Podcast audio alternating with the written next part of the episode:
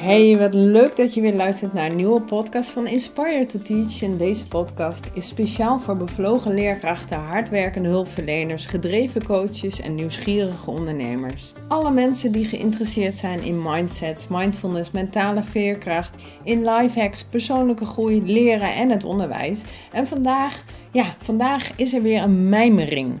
Dus vandaag ga ik iets met je delen wat gewoon waar ik tegenwoordig mee bezig ben. Mariska's Mijmeringen. En als host van deze podcast wil ik me natuurlijk wel eventjes voorstellen. Hè? Mijn naam is Mariska Bos. Ik ben leerkracht, coach, trainer, spreker en therapeut.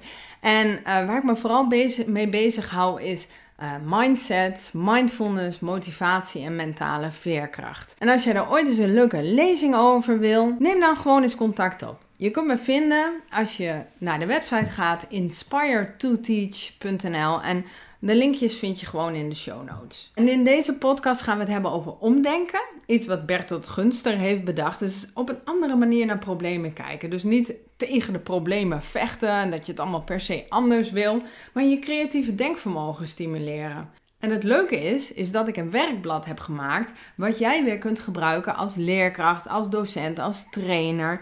Wat dus gaat over omdenken. En dan komen dus omdenksituaties voor en de antwoorden. Dus dat kun je gewoon gebruiken. Laat even je e-mailadres achter en dan wordt het PDF-bestandje opgestuurd. En die kun je dan gewoon gebruiken.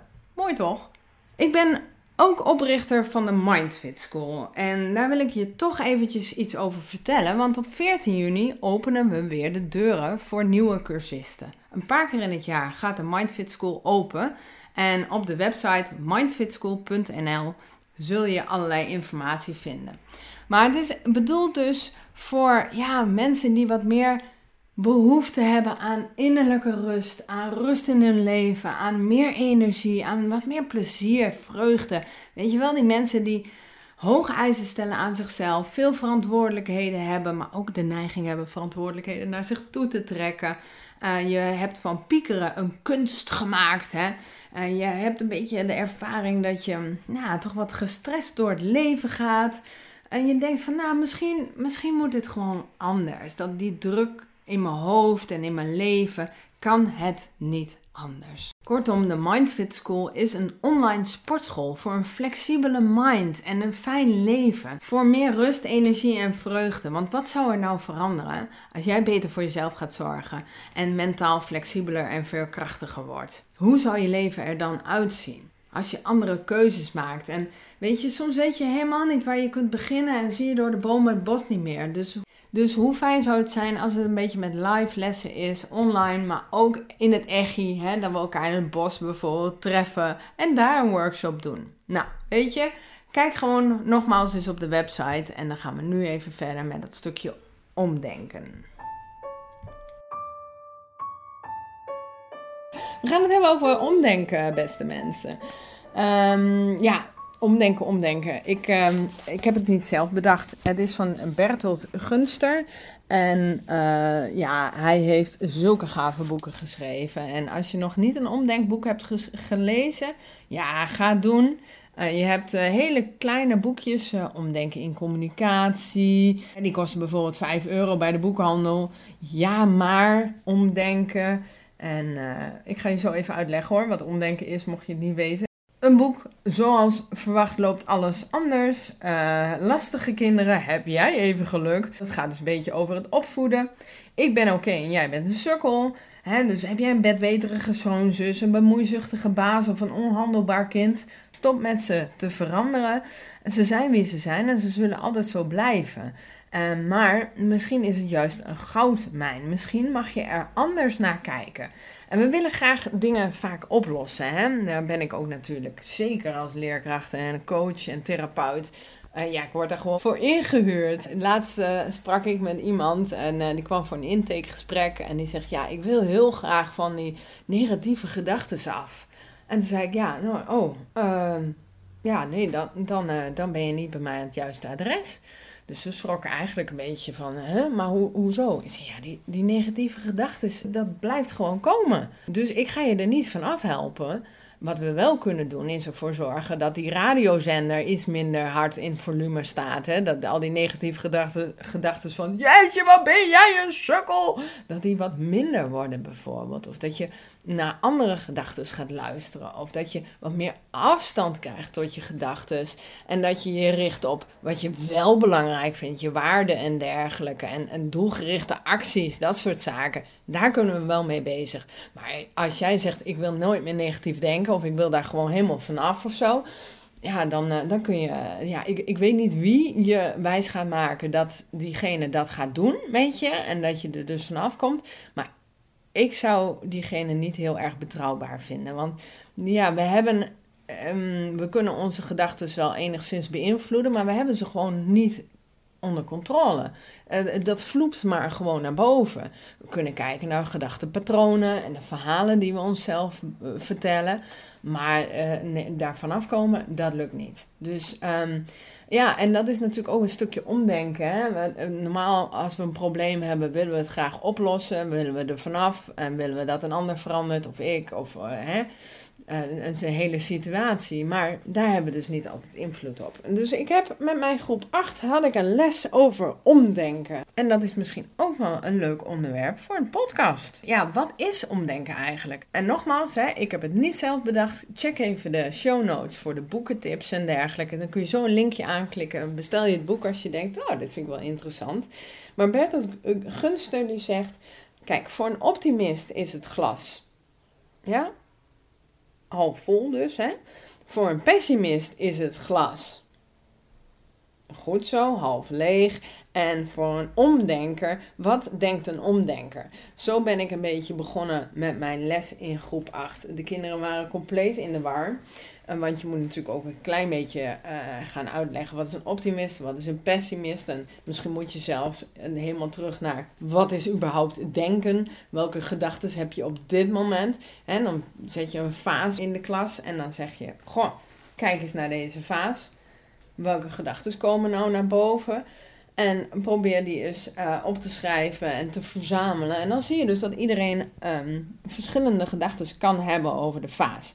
En een omdenker, wat denkt een omdenker dus bij een probleem? Hè? Die denkt dus, uh, waar is de kraan? Dus het, het glas is niet half vol, het glas is niet half leeg. Het is gewoon de vraag, waar is de kraan? En uh, omdenkers die zien een probleem dus vaak, ja, we noemen het wel eens een uitdaging, maar zo zegt Bertolt Gunster dat niet. Uh, dat is eigenlijk een ander woord voor nog steeds dat je een probleem moet fixen. Een omdenker die, die, um, die accepteert het probleem als in het probleem is misschien juist de bedoeling. Dus die ziet het probleem als een kans.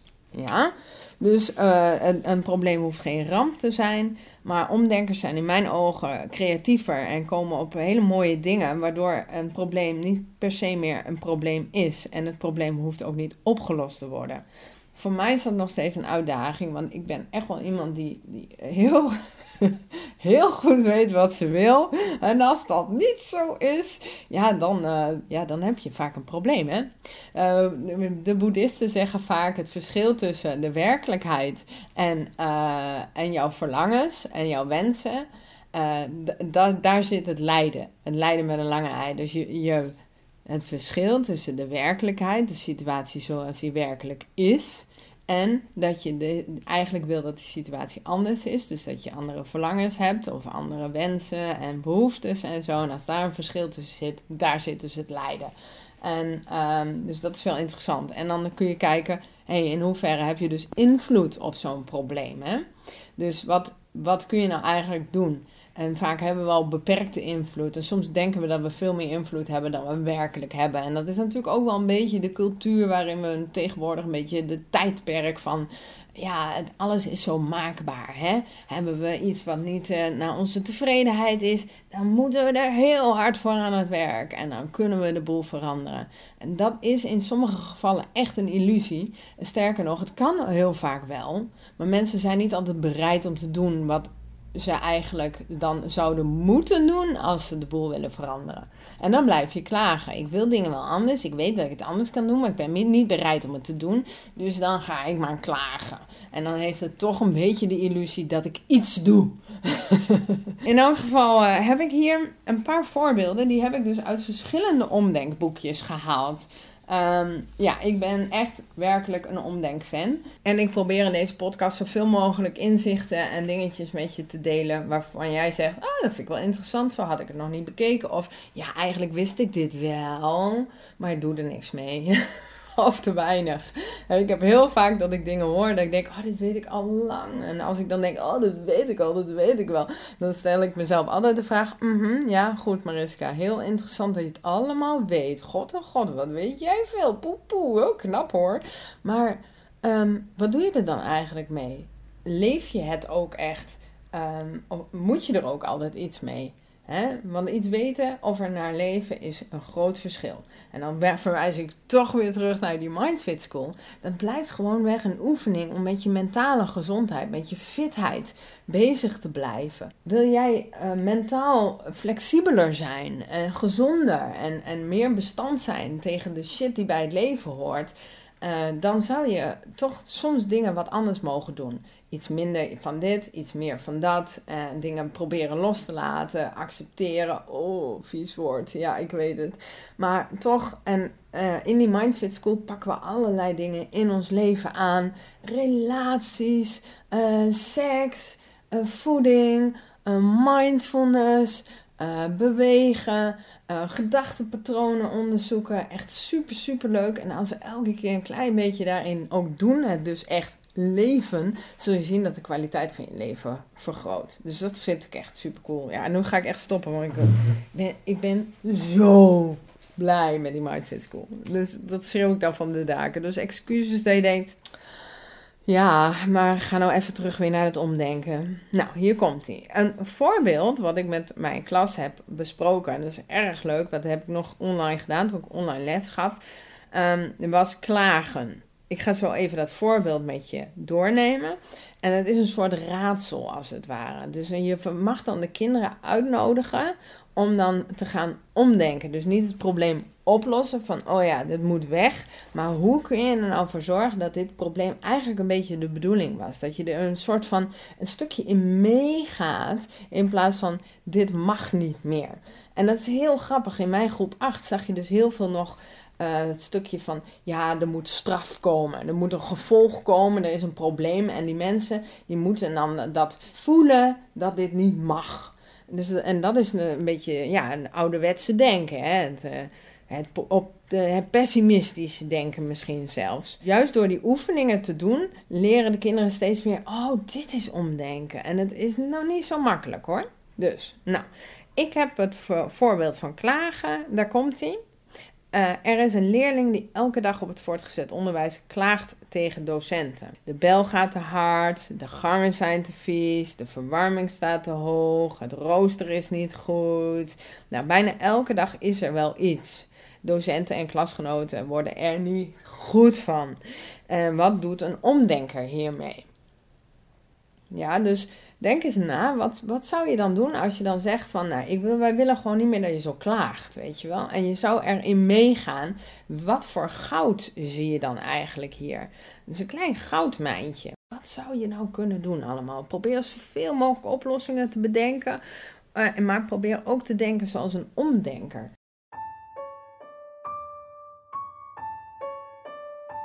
Zou ik gewoon even doorgaan, weet je. Er zijn meer van deze voorbeelden en die ga ik uh, ook in de show notes. Ik ga een werkblad van maken en die kun je dan downloaden. En dan kun je deze les kun je dan met jouw klas gaan doen. Nou, de uitleggen heb ik hier, dus ik ga niet te veel op, op papier zetten. Maar wel deze voorbeelden en de antwoorden. Nou, dan is er een tweede, het kamp. Een kamp waarin kinderen bij elkaar komen en... Deze kinderen die willen niets doen wat de leiding bedenkt. De leiding verzint speurtochten, spelletjes, Maakt niet uit wat ze bedenken. De kinderen vinden het helemaal niks. Wat kan de leiding nu nog doen als je het vanuit een omdenkperspectief zou gaan bekijken? Dan heb ik nog een voorbeeld. Veiligheidsbrillen. Een fabrikant werkt met gevaarlijke spullen. De werknemers moeten brillen dragen voor de veiligheid. De mensen doen het niet. En ook hier zag je dus heel interessant dat kinderen zoiets hadden van. Ja, dan moet gewoon, eh, als ze het niet dragen, dan, dan moeten ze salaris inleveren. Dat is, is, zou eventueel een oplossing kunnen zijn, maar het is niet omdenken. Als je erin meegaat en je richt dus op die brillen, waarom eh, dragen die mensen dan eigenlijk niet die brillen? Weet je wel, en hoe kun je het aantrekkelijker maken? Een andere voorbeeld vond ik echt super grappig het antwoord dan. Uh, ja, en wil je de antwoorden horen, dan zou je toch eventjes dat werkblad moeten downloaden. Het gaat over een heks. Een vrouw is ervan overtuigd dat ze een heks is en de familie doet hun uiterste best haar van andere gedachten te veranderen. Hoe zorg je ervoor dat deze vrouw niet meer zegt dat ze een heks is? Hoe kun je daar nou, in plaats van je mag geen heks meer zijn en je krijgt een boete, zowel de kinderen ook, je krijgt een boete elke keer als je doet alsof je een heks bent en zo. Maar deze vrouw gelooft erin dat ze een heks is. En ja, eigenlijk wil je dus als familie dat ze van gedachten verandert. Hoe zou je dat als omdenker gaan aanpakken? De volgende twee voorbeelden vind ik ook eigenlijk wel, die zie je ook heel veel. En als jij een beetje een leerkracht bent die uitjes doet met eh, de kinderen of een druk kind in de klas hebt, dan doe je deze dingen waarschijnlijk ook al wel. Maar check de antwoorden op het werkblad.